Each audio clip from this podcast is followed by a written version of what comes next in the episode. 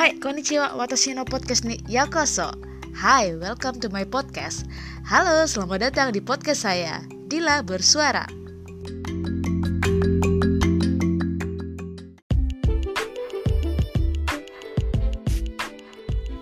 Halo, selamat datang kembali di Dila Bersuara di Industri versus Akademia di episode ke-19 ini.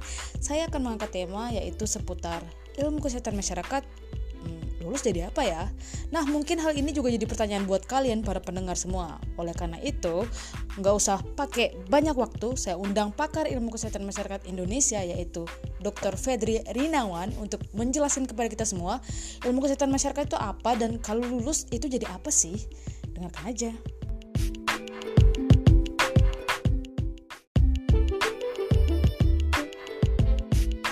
Aduh, halo, selamat sore waktu waktu Indonesia sepertinya ya. Selamat datang Kang Fedri di Dila Bersuara. Iya, sudah terdengar Ya, sekarang. kan? Sudah terdengar. Suara Dila terdengar jelas, merdu, atau terdengarnya seperti gimana itu? Diagnosisnya. Terdengar jelas. Oh, terdengar Tadi jelas. salah salah pilih mikrofon, tadi harusnya pilih uh, Bluetooth communication. Hmm, sama nih, Dila juga jadi ganti jadi Bluetooth communication. Sekali Iya. lagi terima kasih sudah meluangkan waktunya Kang Fedri untuk bergabung di Dila Bersuara hari ini. Sama-sama. Ya, udah lama banget kita nggak ketemu. Atau kita pernah ketemu nggak sih secara nyata waktu di Jepang? Kita ketemunya lewat radio PPI Jepang aja kayaknya. Di, Kayaknya nggak pernah ketemu langsung ya. iya, paling ngeliat. gitu ya. Lihat fotonya bareng Dian Sastro gitu ya. Iya, nah buat teman-teman yang yang yang low connection atau yang bingung ini pengen ngomongin apa. Jadi ya, saya dan Kang Fedri ini dulu sama-sama di pengurusan radio PPI Jepang. Yang ini merupakan pengurus awal dari radio PPI Jepang. Nah, kenapa bisa ketemu dengan Kang Fedri? Karena Kang Fedri waktu itu juga melakukan program S3 di Chiba University, ya kan Kang? Iya, iya, iya, iya.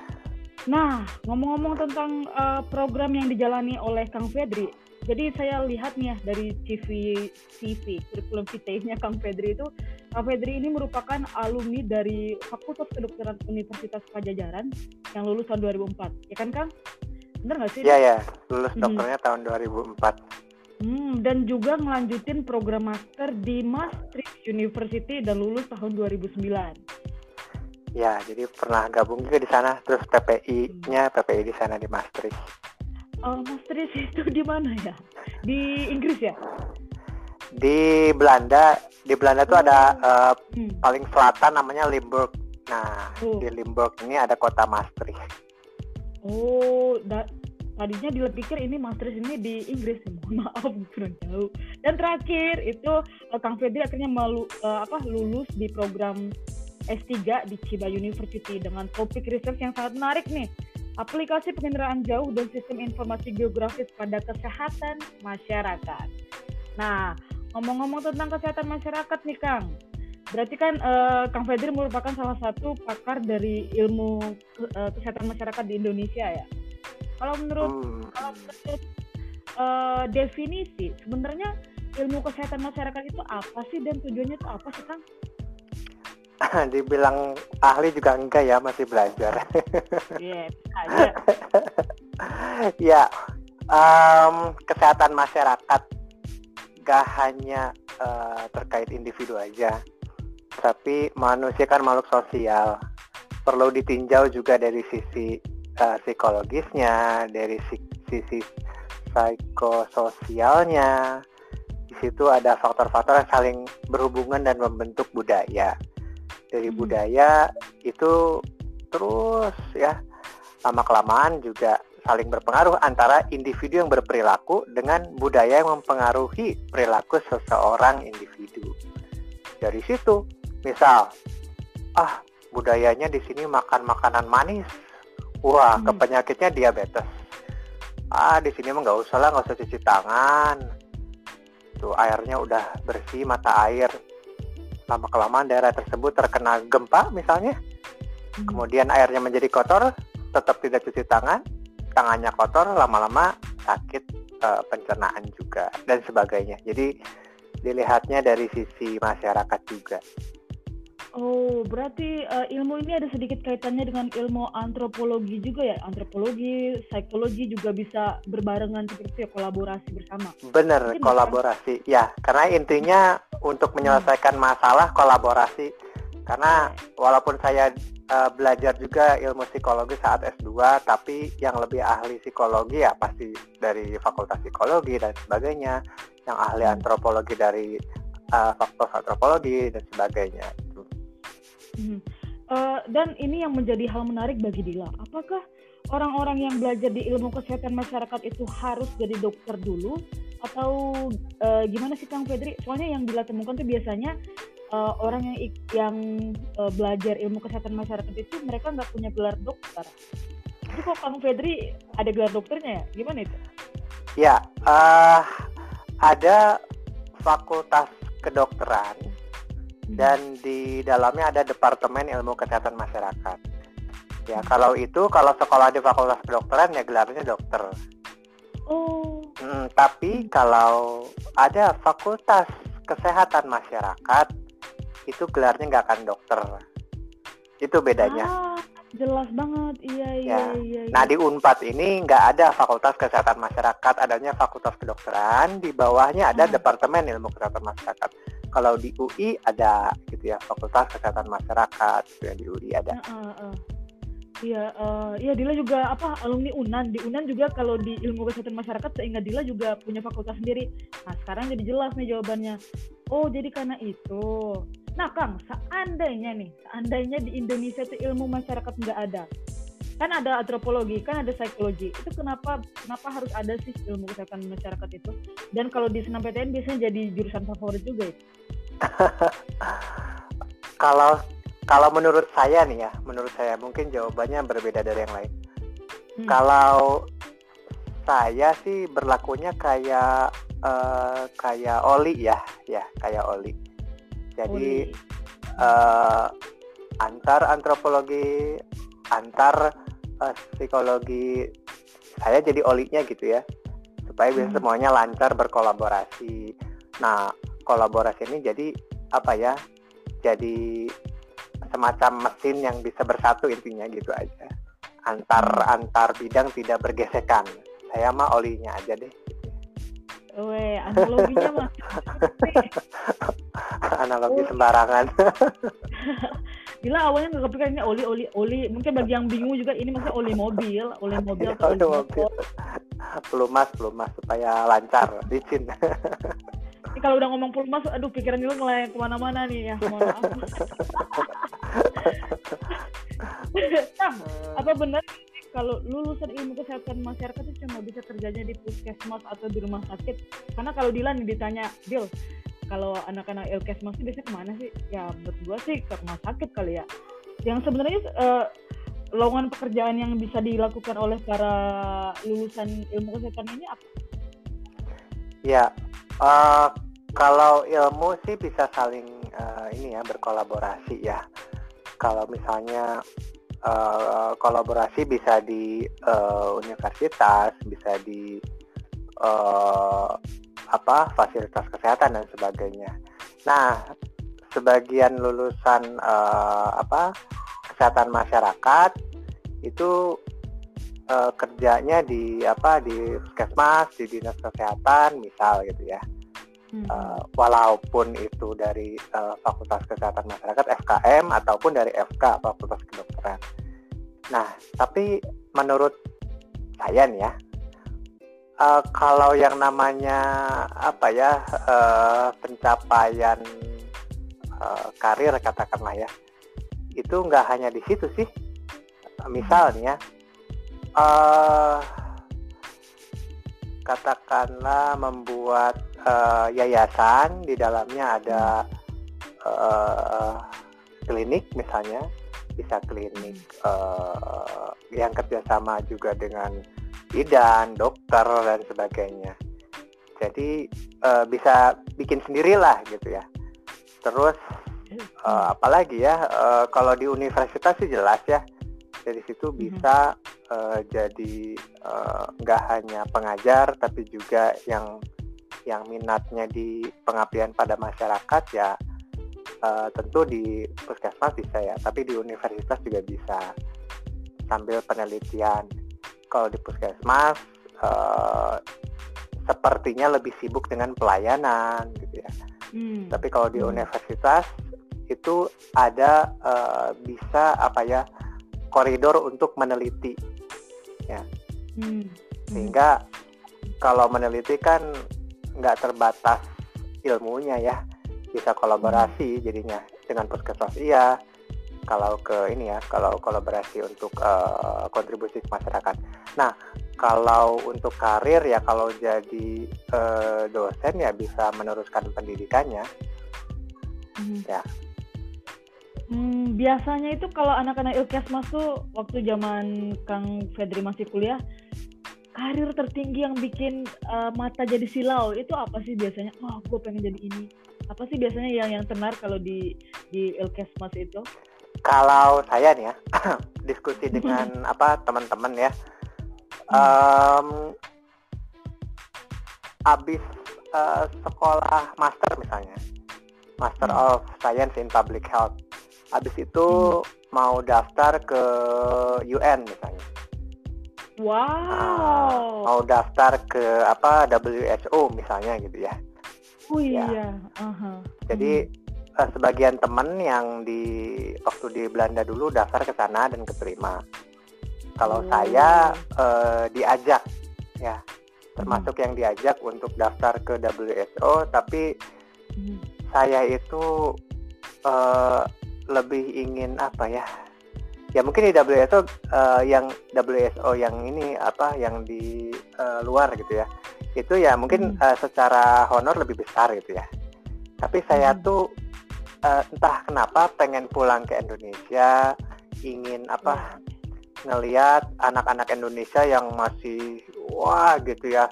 Masih uh, stunting lah masih kurang gizi dan sebagainya pendidikannya hmm uh, masih apa uh, perlu dibantu dan sebagainya. Mm-hmm. berdiri duduk di situ tanpa gaji misalnya ataupun ada gaji ya sangat tidak apalah sangat kecil. Tapi kalau hati sayanya memang pengennya di situ dan sayanya bahagia uh, sepertinya uang sebesar apa pun itu tidak bisa menggantikan itu gitu. Jadi saya waktu itu memilih untuk uh, hmm. saya ingin pulang ke Indonesia gitu. jadi saya ditawarin kerja itu ya nggak dijawab nggak juga sih gitu saya memilih untuk pulang uh, dan daftar kerja di Indonesia gitu hmm. Hmm. Wow, jiwa aktivisnya tinggi banget nih, langsung ketampar ketampar tuh yang mau kerja. Krak, krak, krak. Tapi alhamdulillahnya ya, dengan memilih pulang hmm. ke Indonesia, hmm. terus uh, daftar kerja di apa di Unpad, awalnya honorer gitu ya, honorer itu uh, saat itu tidak digaji ya. Adapun wow. dapat honor sekitar ya dimasukkan ke SK honor itu mungkin satu juta potong pajak ya. Terus saya tetap hmm. berpraktek di UGD ruangan inap dan sebagainya. Jadi saya wow, okay. jadi tetaplah uh, ya cari tambahan hidup mah tetap. uh, capek iya untuk uh, mendapat uh, sepersekian butir berlian nggak nyampe gitu ya. Itu intinya mah intinya mah kecil gitu ya. Terus saya gabung dengan uh, penelitian juga. Jadi uh, dengan uh, terikutinya passion yang saya mau gitu ya kerja di penelitian saat itu gajinya ya uh, ya tidak besar lah gitu ya. Uh, tapi ada rasa itu gitu ya rasa bahwa ah ini masalah di depan mata ya walaupun saya bisa kerja di WHO dan ada masalah juga depan mata gitu ya tapi bagi saya uh, kalau mau uh, berhadapan dengan masalah real di Indonesia saya pengen bekerja di Indonesia gitu aja sih gitu. Hmm. kaki saya yang pengen di Indonesia walaupun bisa kaki kita di luar negeri kita berapa hmm. berhadapan dengan apa uh, sistem yang lebih baik kemudian kita bisa mengarahkannya ke Indonesia gitu tetap hati kita ke Indonesia bisa sih cuma saat itu saya pengen kaki saya tetap di Indonesia gitu aja mm-hmm.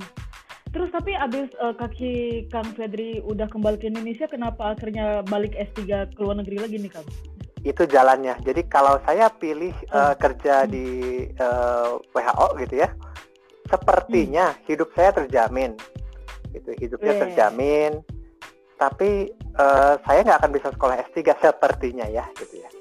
Hmm. Justru dengan hmm. saya memilih gaji yang lebih kecil, kemudian saya uh, kerja kerja kerja gitu ya sekitar uh, beberapa tahun kemudian dapat tawaran mau nggak sekolah S3 ke Jepang gitu ini hmm. ada short course dulu cari profesornya di sana short course dua hmm. minggu maka hmm. tahun 2011 saya berangkat itu berangkat saya nggak mengeluarkan uang sepeser pun ada ngurusin lah biaya ke mana-mana dapat gitu ya pergi aja set dapat profesor di sana yang jadi supervisor saat S3 pulang lagi ke Indonesia cari beasiswa bla bla bla dapat balik lagi ke Jepang jadi uh, apa ya apa yang saya impikan untuk sekolah lagi S3 hmm. itu ada karena saya waktu pulang dari Belanda ya naik pesawat. MH17 yang dibom itu ya yang dibom itu yang Malaysia ini Iya, iya Malaysian Airlines ya. Yang dibom di wow. Ekuador kalau nggak salah. Tapi kan itu dibomnya -huh. beberapa tahun kemudian saya saya tuh hmm, saat, saat di pesawat biasa lagi agak dramatis ngelihat keluar jendela aja ya lah. Langsung lagu diputar. Terus habis itu ah habis ini saya pengen ke Jepang belajar budaya di sana oh. sambil sekolah S3. Hmm. Itu mimpi hmm. saat pulang dari Belanda. Hmm. Mimpi itu 2009 ya? Uh, iya iya iya iya, saya pulangnya 2009. Kemudian hmm. uh, apa? Nyampe ke Indonesia. Mimpi itu terus diimpikan sambil dijalani tentu saja. Kalau mimpi-mimpi doang ya sama aja, itu cuma wish aja. cuma make a wish tapi hmm. enggak ya berusaha mencapai. Hmm. Jadi ya alhamdulillah gitu dengan uh, mimpi yang terus diulang dengan usaha gitu ya itu alhamdulillah jadinya ke Jepang beneran mhm. Wow, target uh, karena percaya dengan dirinya, punya target dan ada strategi, akhirnya apa yang diimpikan jadi terjadi gitu ya, Kang ya. Iya ya dan apa uh, dengan pulang, terus kita S3, kemudian uh, makin suka diajak kerja gitu dari organisasi-organisasi uh, hmm. yang besar gitu ya kan kalau udah pulang hmm. S3 kan dibutuhkan kan ilmunya gitu. Hmm. Hmm. Nah terkait uh, tentang bahasan awal tadi ya tadi ilmu kesehatan masyarakat itu ngapain aja tadi kan uh, bahasanya adalah bahwa uh, orang ilmu kesehatan masyarakat itu juga melihat bagaimana sistem sosial di suatu daerah suatu tempat. Nah tapi hal yang menjadi menarik uh, apa sih yang jadi pembeda? Pasti ini jadi hal yang sulit bagi Kang Fedri untuk mencocokkan antara uh, ilmu kesehatan masyarakat di Indonesia dan di Belanda serta di Jepang. Secara pada dasarnya apa sih yang membedakan tiga negara ini, Kang? Dan kenapa Kang Fedri malah milih belajar di luar negeri daripada belajar di dalam negeri untuk S2 dan S3? Uh, menurut saya ilmu saat di uh, Indonesia sama ilmu di Belanda di Jepang menurut saya ya gitu ya. Hmm. itu bedanya uh, sistem ya. Sistem, sistem di negaranya sistem. beda. Tapi kalau ilmunya mah ya sama sih karena buku-buku yang dipakai gitu ya itu ya sama aja menurut aku nih ya ya saat sistem itu dicoba diterapkan di Indonesia wah di Jepang teknologi uh, penginderaan jauh ya remote sensing sistem informasi hmm. geografis. Ini sistem informasi gimana caranya bisa dipraktekkan di Indonesia dikawinkan dengan kesehatan masyarakat. Nyampe Indonesia apa ya masalahnya? Oh posyandu. Posyandu hmm. digali. Jadi saya uh, datang uh, diajak uh, pengabdian pada masyarakat jadi begitu nyampe ke Indonesia uh, langsung diajakin jadi apa dosen pembimbing KKN gitu ya, bimbing mahasiswa. Hmm. Namun di situ ah masalah sistem informasi masalahnya salah satunya. Jadi eh gimana caranya uh, membuat jembatan teknologi tentu saja dari uh, Jepang dengan uh, teknologi yang apa lebih tinggi gitu ya dan Indonesia kesiapan sumber dayanya yang uh, masih kurang menurut saya tapi tetap mm-hmm. optimisme itu ada di jembatan gimana ya jembatannya? Optimisme. Nah, Hmm. jadi eh, inovasinya adalah inovasi jembatan. Tidak usah inovasi membuat hal baru. Inovasinya adalah eh, membuat jembatan untuk menyambungkan teknologi di Jepang, di Belanda Hmm. dengan di Indonesia untuk mengangkat teknologi di Indonesia ke atas. Gitu. Mhm. Jadi saya memilih jalan itu. Gitu. Kalau kalau ada Makanya akhirnya kalau Hmm. ada tulisannya eh, atas kita dulu Pak Iqbal ya, memi- Hmm. Ya, memilih jalan sunyi gitu. Maksudnya eh, nggak apa-apa, aku milihnya pulang ke Indonesia aja, gitu ya. Di sana sistem apa eh, riset kurang, dana kurang, ini kurang, Iya. itu kurang, ini kurang, itu kurang. Ah, tarik napas, Aduh, tarik napas. dia ketampar. Aha, Lanjut. Eh, tapi tetap eh, apa ya akhirnya mencoba menulis ditolak menulis ditolak akhirnya tulis lagi gitu Eh, eh, akhirnya dapat apa ya memang eh, awal-awal itu ya prosedurnya harus punya nomor induk dosen nasional itu wajib aja Mhm. punya NIDN Hmm. gitu ya. Jadi kalau masih karena kan di Unpad ya gitu, maksudnya dosen lah gitu ya. Ini mau pergi ke Jepang aja ya kalau nggak punya NIDN susah gitu. Jadi intinya mah harus punya NIDN sih, nomor induk dosen nasional. Dari situ baru bisa Mhm. nulis proposal, apply sana, apply sini, Eh, apply pernah waktu itu apply kementerian gagal gagal gitu nekat pokoknya Hmm. ini alhamdulillah yang yang terakhir dapat di eh, Kementerian Keuangan LPDP gitu Oh, Dapat iya, iya, iya, mem- iya. Hmm, membuat sistem informasi nggak langsung sistem Hmm. informasi geografis dan remote sensing kayak di Jepang enggak tapi Mhm. eh, kita meningkatkan kapasitas kader membuat sistem informasi yang bisa mensinkronisasi kesulitan di lapangan. Apa kesulitannya? Misal ini aplikasi A. Database. eh, database A diisi A. Database eh, aplikasi yang lain datanya sama-sama itu juga. Aplikasi yang lain datanya Iya, itu iya. juga sama juga. Itu data rekap A rekap B Hmm. rekap C. Waduh gitu ya. Nah kami eh, datang gitu ya eh, bagaimana mensinkronisasi kader bisa mengisi eh, dengan ditingkatkan dulu kapasitasnya ya kapasitas ilmunya untuk Hmm. misal eh, ibu kader ibu kader eh, berapa persen yang bisa pakai gadget ada Iya. eh, kecamat kecamatan ini 30%, ada yang ini lebih besar, ada yang di eh, apa agak susah sinyal, boro-boro sinyal aja nggak dapat, apalagi gadget gitu ya. Nah, tapi Hai.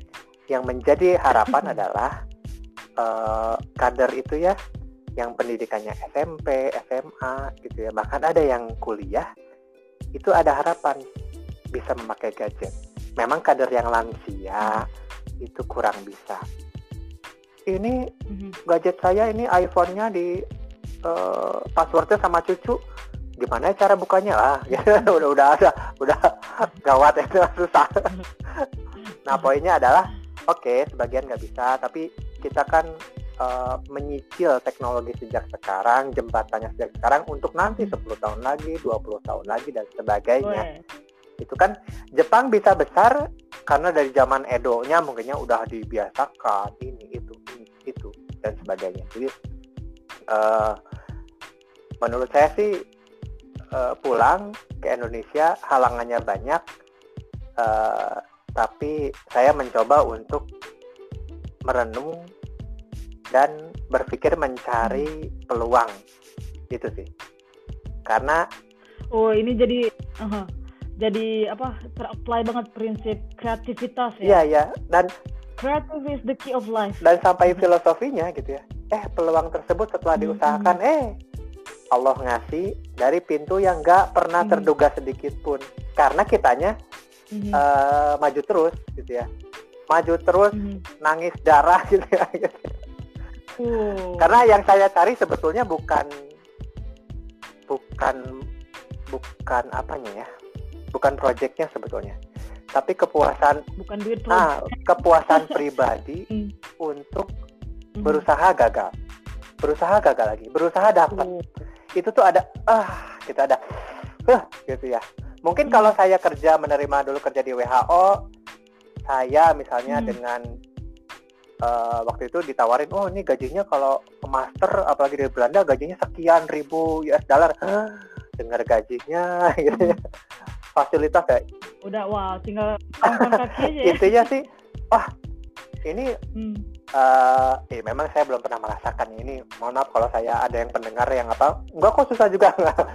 Menurut saya gitu, mungkin eh, lebih mudah gitu, lebih mudah di eh, apa fasilitasnya di di negara yang lebih apa ya, supportnya lebih besar Setuju. juga gitu ya. Indonesia mungkin supportnya Hmm. besar, tapi eh, budaya apa ya, Duitnya budaya organisasi mungkin ya menurut saya ya, gitu ya hmm. karena kan uh, duit uh, anggaran ada ya tapi budaya organisasi yang apa perlu kolaboratif. Karena dari penelitian dulu penelitian ini sebelum ke Jepang sih. Jadi penelitiannya itu uh, ke apa kualitatif sih ke beberapa tempat di Indonesia. Tentu kualitatif tidak menggambarkan uh, seluruh Indonesia tapi mhm. kerjasama antar bidang, kerjasama antar dinas, antar sektor dan sebagainya itu yang kurang gitu ya. Menurut penelitian kurang. itu, penelitian kami.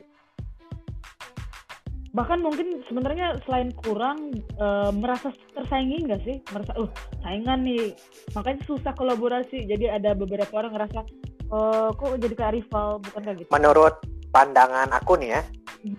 di sana Hmm. ada project A, di sini ada project B. Hmm, Ini project A sama project B hmm. ada irisannya gitu Sama. ya. Eh, ada irisannya Hmm. gitu. Sayang budgetnya lah. gitu. Jadi Hmm. eh, ini menurut aku yang melihat dari luar nih ya. Gitu. Jadi sekiranya ada Hmm. eh, oli yang tadi diomongin oli. Jadi kerja mesin sana, kerja mesin sini ada kesamaan kan? Tinggal geriginya aja disatukan. Jadi olinya dikasih oli ya. Jadi lebih halus, mesin berjalan. Mungkin agak itu Hmm. mungkin agak lambat, tapi kuat untuk eh, masa depan karena kan kita hidup sekarang untuk anak, cucu, cicit, untuk generasi selanjutnya. Ya, legacy. iya legacy pinter banget luar biasa nih, Dila. Iya. Juniornya siapa dulu ya? Langsung gitu. Eh, dan se- sebenarnya yang dibicarakan sama Kang Fedri dari tadi ini salah satunya adalah aplikasi dari iPosyandu. Iya iya, Eh, kemarin me- apa mengembangkan itu Masuk dan hak cipta juga di- jadi Hmm. iPosyandu tuh. Gimana? eh, itu masuk di berbagai media perasaan ya? Dia masih di mana ya? Pokoknya dapat aja berita tentang ada aplikasi iPosyandu yang dibikin oleh Kang Fedri dan rekan-rekan. Dibantu oleh teman-teman dari teknik informatika Hmm. karena kan kalau Unpad aja nggak Ah. bisa ya kerjasama dengan Universitas Pasundan, Universitas Sangwangbuana, terus eh, dapat Hmm. dana dari Kementerian Keuangan juga eh, apa Hmm. dari swasta misal nggak apa-apa disebut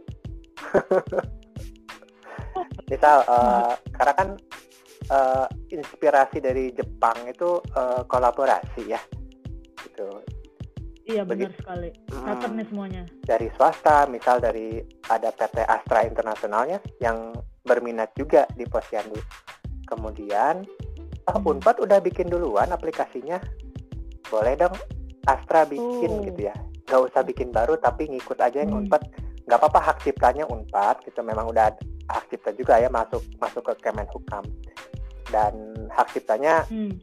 Hak ciptanya saya serahkan ke Unpad bukan atas nama saya walaupun peneliti utamanya saya tapi kan Hmm. kalau saya meninggal tetap ada kan universitas gue. di bawah kementerian maksudnya kalau saya meninggal Hmm. kan yang penting eh, bisa legasinya ke adik-adik gitu ya yang meneruskan dan ini memang untuk Hmm. negara duit dari negara duit dari rakyat balikin lagi ke rakyat gitu sih idenya Ini benar-benar aktivis tingkat tinggi banget di Kang Fedri. Ya. hidup ya walaupun saya banyak keburukan tapi yang dicari ternyata kekayaan ini ya kekayaan amal kekayaan batin ya walaupun masih belajar juga nih sok-sokan eh. kita kita terdeng, uh, mendengarnya wah iya juga ya benar juga ya ini berarti udah banyak sekali nih inovasi yang dibikin oleh Kang Fedri uh, dari lulus kuliah sampai hingga saat ini bahkan saat di podcast ini. Nah uh, balik lagi nih ke tentang ilmu kesehatan masyarakat lulus jadi apa? Berarti kalau bisa dila, dila sedikit simpulkan ya uh, silakan dibantah nih Kang Fedri benar atau salah. Tapi sepertinya orang-orang ilmu kesehatan masyarakat itu kebanyakan jalurnya ke jalur akademia ya jalur karirnya ya kalau misalnya ini kita bikin dua jalur karir karir nih satu karir industri satu di karir industri ini bisa dibilang karir di di perusahaan seperti ya kayak tadi ASA dan lain-lain sedangkan di akademia itu karir karirnya di universitas seperti itu jadi kalau dikategorikan dari cuma dua kategori ini, uh, kebanyakan ilmu kesehatan masyarakat di mana kan? Kalau ini sisi pengalaman aja ya. Kalau kemarin ngajar-ngajar hmm. mahasiswa S2 gitu ya, S2 kesehatan masyarakat yang kuliah di Unpad, S2 yang lainnya juga yang ilmunya berhubungan dengan kesehatan masyarakat, itu uh, dikirim oleh uh, Pemda masing-masing misalnya Uh, jadi oh. pulang kerja di Pemda, entah di dinas kesehatan, entah di rumah sakit gitu ya, uh, entah di hmm. universitas, di stikes dan sebagainya. Sebagian ada yang, hmm, sebagian ada yang membuat uh, jalur bisnis, gitu ya. Ada yang hmm. membuat tadi yang kayak uh, membuat ya? yayasan ya? ada dan apa ya itu kan kreativitas ya kreativitas hmm. dan hmm. Uh, itu sih baru taunya itu aja sih yang lain-lainnya uh, hmm. Di NGO bisa oh ya di NGO ya NGO NGO hmm. yang uh, ya lumayan NGO kan kalau itu karir apa uh, ada hubungannya dengan honor gitu ya lumayan gitu ya. hmm. tapi hmm. ternyata menurut aku gitu ya lumayan itu tergantung hmm. uh, gritnya ya passion and uh-huh. passion and oh. perseverance oh. ya, itu grit itu ada ada buku grit ya uh, yang ditulis Angela Duckworth ya tuh, tuh. Weh mantap siapa tuh semuanya Angela Duckworth Duckworth, ya, Duckworth ya, ya itu grit G R I T uh-huh. grit itu passion and perseverance uh-huh. jadi ada ada kepuasan walaupun banyak uh-huh. cobaan gitu ya kadang kita uh, kalau segitiga kebutuhan paling dasar adalah makan kan. Mm-hmm, Tapi kadang kalau udah passion, uh, makan itu bisa terakhir. Tapi mm-hmm. uh, apa ya, ke, uh, passion dari dalam diri kalau itu tercapai, itu walaupun ini ini ini jangan dicontoh ya. Karena saya suka uh, salatri. Salatri itu uh, apa suka telat makan sampai perih. Jadi aduh, saya aduh. saya tuh kalau kerja suka susah exit. Jadi kalau kerja susah banget exit oh, iya. jadi iya. kalau kerja selesaiin jebret baru exit. Baru ingat oh ya ya lapar. Berarti ini memang emang bener-bener mentalnya mental researcher banget ini. Mental PhD banget ini. Rata-rata orang-orang PhD ini pasti kayak gini nih. Uh, pengen cari tahu terus penasaran terus. Pokoknya ya sampai memuaskan batinnya gitu ya Kang yang ya uh, tapi ada juga sih uh, kalau lagi mumet kalau di Ciba itu ada uh, karaoke ban-ban namanya itu paling murah sama teman-temannya. Iya karaoke itu udah orang-orang PhD tapi, lain. Emang karaoke. Tapi abis itu pulang karaoke ke lab lagi. nggak nggak tidur.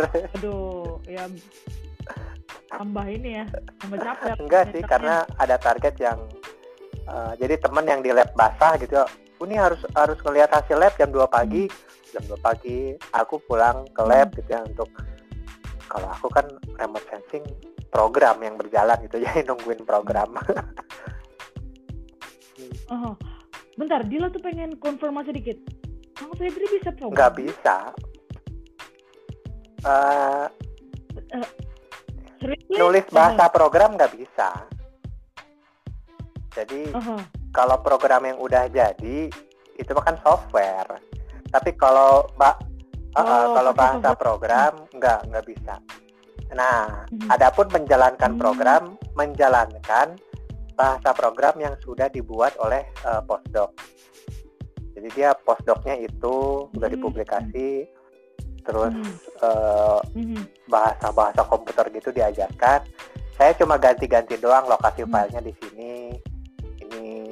Eh ah, ah, lokasi filenya ya? di sini. Ini file-file file-file misalnya lokasi air seluruh dunia yang sudah dikompil lah istilahnya lah. Itu Oh. lokasinya sudah dibenerin. Mhm. Di situ lokasinya ini Hmm. masukin ke eh, lokasi di bahasa program. Terus tinggal di run, udah tungguin Hmm. dua hari selesai misal. Du- Dua hari itu spek komputernya gimana tuh? Kadang seminggu Jepang Jepang tuh. Seminggu. Itu RAM-nya berapa tuh? 8 8 atau 16? ada ya enggak enggak enggak super deh. komputer maksimal 16 ada satu yang 32 Aha. 32 ini yang Oh. memorinya maksudnya RAM-nya ya Aha. Aha, aha. Wow. Ma- eh, ini keren banget ya. Hmm. Sebenarnya Dila nggak pernah nggak pernah expect bahwa orang-orang dari ilmu kesehatan masyarakat itu juga bisa berbicara hal-hal yang berbau teknologi. saat makanya saat makanya ini adalah hal yang tepat untuk untuk menanyakan ke pakarnya langsung jadi jadi banyak yang terbuka di mata Eh, Dila gitu. pakar sih nih? enggak ya karena saat Hmm. dulu pertama kali ke Jepang eh, ngomong ke sensei sensei saya nggak bisa remote sensing sama sekali.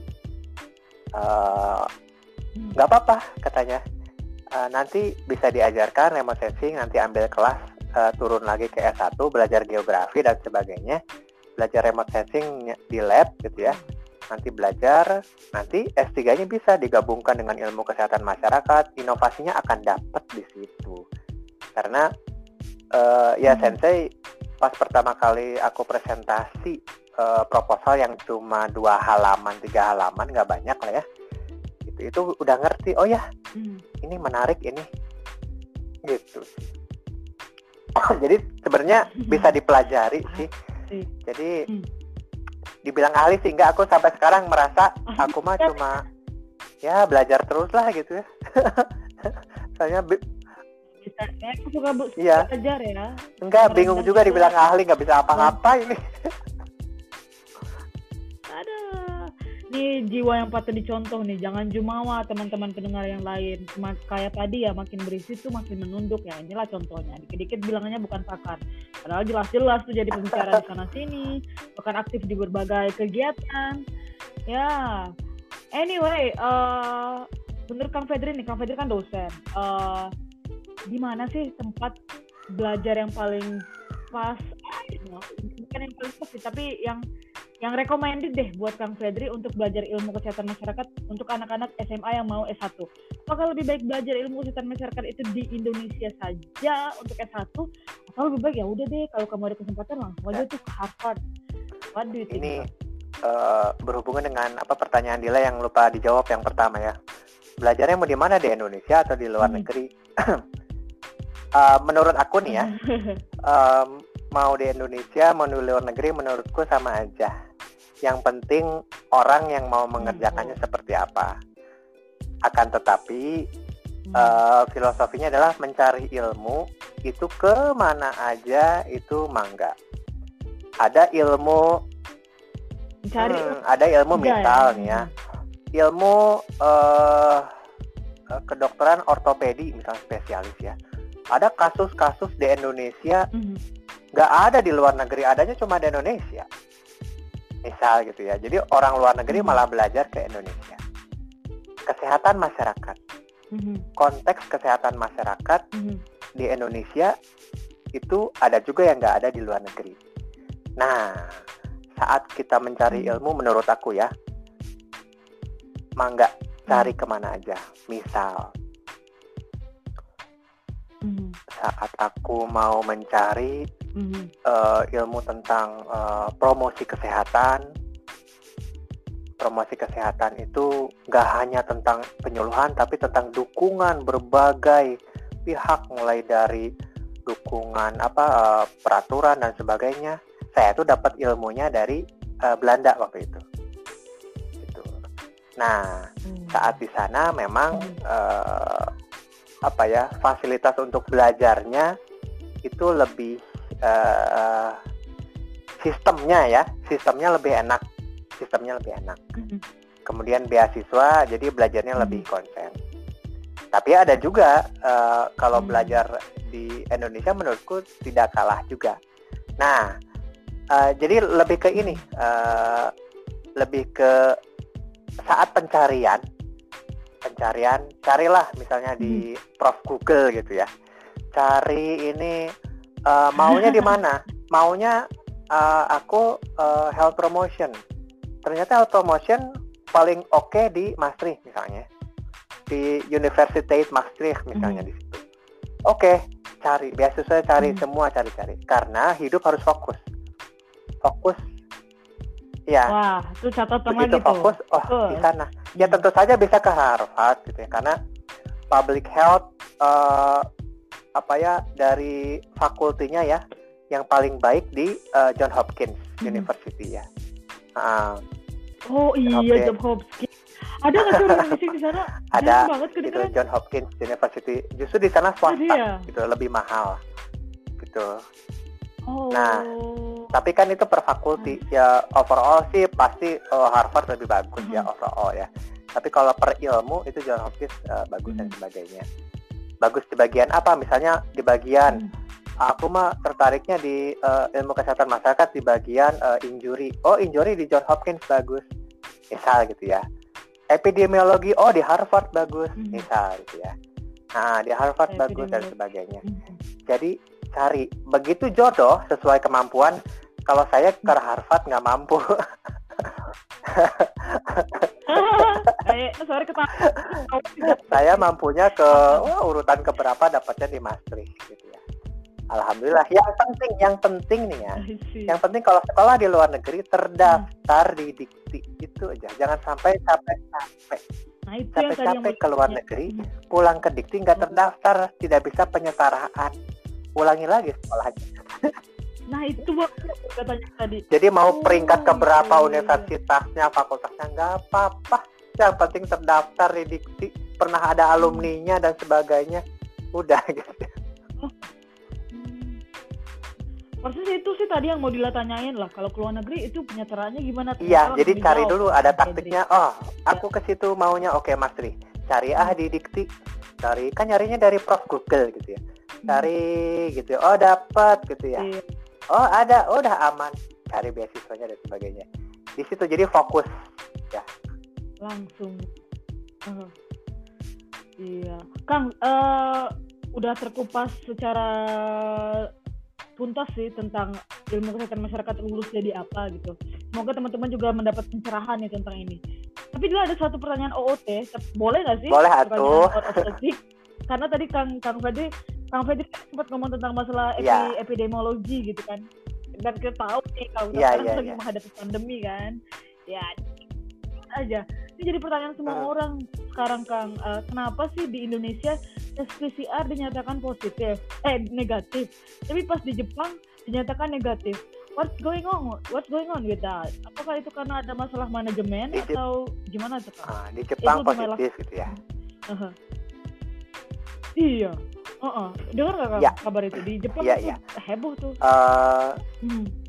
satu eh apa ya kalau di sini misalnya kan eh, aku apa Hmm. diperbantukan di tim eh, COVID untuk ikutan menganalisis dan ikutan nge-swab juga bantu-bantu.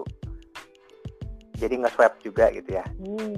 Ya, misal di rumah sakit Hmm. A negatif, nggak usah jauh-jauh, pas ke Hmm. kami gitu di Unpad positif. Gitu. Nah, Hmm. itu dianalisis, diteliti. Pertama, eh, apa Hmm. si medianya seperti apa? Medianya juga eh, apa di Unpad juga bikin yang inovasinya juga. Jadi ada yang eh, aduh kalau saya sebut terlalu teknisnya VTM misalnya. Jadi itu media ya isinya berupa tabung gitulah.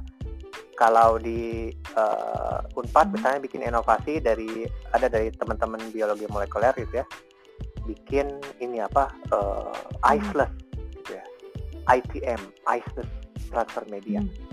jadi maksudnya adalah itu uh, lebih tahan dari dibanding yang karena kan uh, ini sudah habis di swab dimasukkan ke media tersebut uh, maksimal Hmm. berapa hari. Nah dengan yang ini misalnya bisa lebih lama misalnya dengan yang inovasi bisa lebih lama. Itu baru Hmm. berbicara soal uh, apa uh, medianya. Habis itu masuk ke ruangan medianya. ya diekstraksi sorry terlalu teknis lagi tapi poinnya adalah Ya nggak apa-apa. Jadi, banget gitu. uh, saat kita nge-swab nge-swabnya aja ya uh, kalau di kami gitu ya itu uh, diputer-puternya itu lebih dari sekali sampai 10 gitu ya uh, 12 kali puter puter puter puter kan kalau di video cuma puter puter cabut kalau kami karena kan tujuannya mengambil epitel ini harusnya yang ber, ah, yang Hmm. berbicara ini harusnya dari badan ya? uh, teman-teman Hmm. dari uh, patologi klinik mikrobiologi ini saya ya ini saya karena diajarin ya diajarin. Justru saya ini belajar dari patologi kliniknya mikrobiologi Hmm. klinik dan sebagainya ke ahlinya lah gitu ya. Dari THT lebih ahli dari saya. Saya kan cuma ini aja bantu-bantu gitu ya. Oh gitu caranya? Oke gitu. Sudah aja Ah, di sini positif di rumah sakit lain negatif. Jadi eh, Hmm.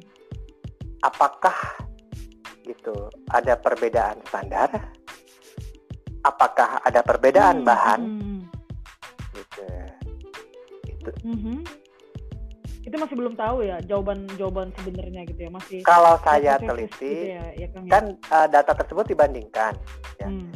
dibandingkan kalau setelah Hmm. diteliti ya memang nggak nggak jauh beda sih ada misalnya di, di, di tes di Unpad lebih banyak yang Hmm. positif di alat lain misalnya betul. eh, ada yang Hmm. positif ada yang negatif tapi kalau secara statistik di tes itu masih eh, nggak signifikan bedanya gitu maksudnya Hmm. lolos lolos satu dua orang Berarti tapi yang- aku Hmm. dengar pada saat ke Jepang semuanya kalau nggak salah ya semuanya eh, Iya. apa di Jepang positif gitu ya pas di Kena sininya 17. Mhm, eh, mhm. apa negatif nah itu tuh aku pengen dengar lagi beritanya apakah di Indonesia itu eh, swab di Jepang swab apakah di Indonesianya itu di eh, rapid gitu ya rapid itu ada dua sih rapid antibody sama rapid Hmm. antigen gitu ya Mhm. Nah ini eh, apakah di swab, Hmm. apakah di rapid gitu?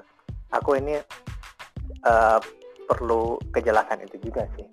Tapi kalau sama-sama sama-sama swab gitu ya, Berarti hmm, kesempatan Hmm. terjadi eh, beda bisa. Harusnya nggak signifikan bedanya. Tapi kalau di sini hmm, hmm. taruhlah berapa belas orang negatif, nyampe Jepang Hmm. berapa belasnya positif semua itu mah signifikan atau ya gitu ya. signifikan gitu. Kalau kami menemukan, Iya. tapi kami penelitiannya masih eh, belum sampai ratus sih jumlahnya, masih puluh gitu ya.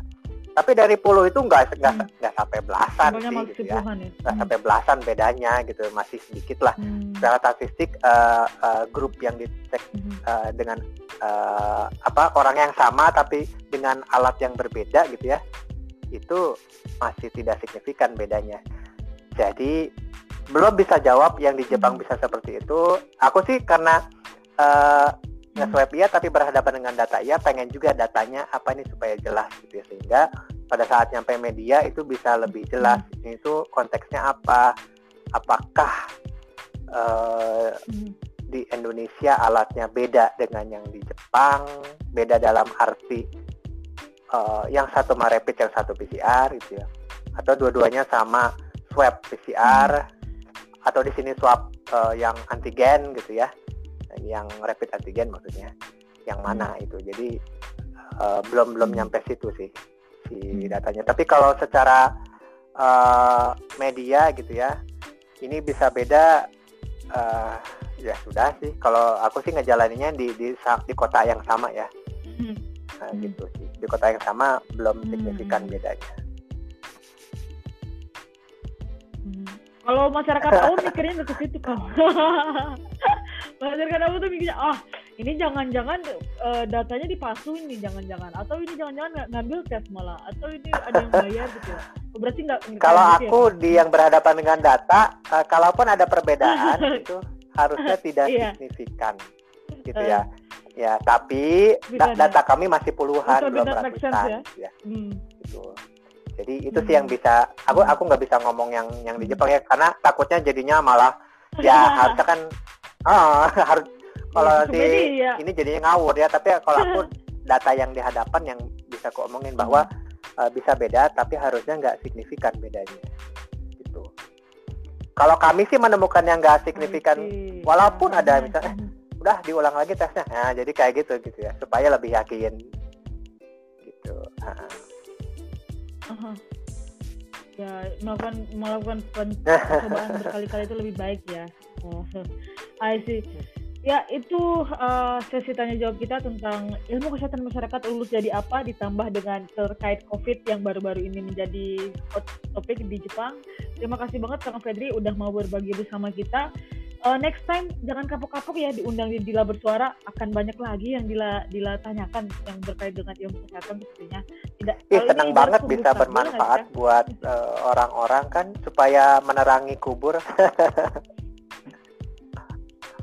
Nah, ya jadi ibaratnya kita tuh step by step kan. Nah, yang pertama kita pelajari dulu definisinya, udah jelas semuanya definisinya. Oke, selanjutnya kita kasus-kasus yang lain akan kita bahas. Dan ya, kita benar-benar menunggu kontribusi dan partisipasi dari Kang Fedri untuk semangat bersama kita semua. ya, ya terima kasih Kang. Itu aja dulu untuk hari ini. Terima bye -bye. kasih sekali. Waalaikumsalam warahmatullahi wabarakatuh.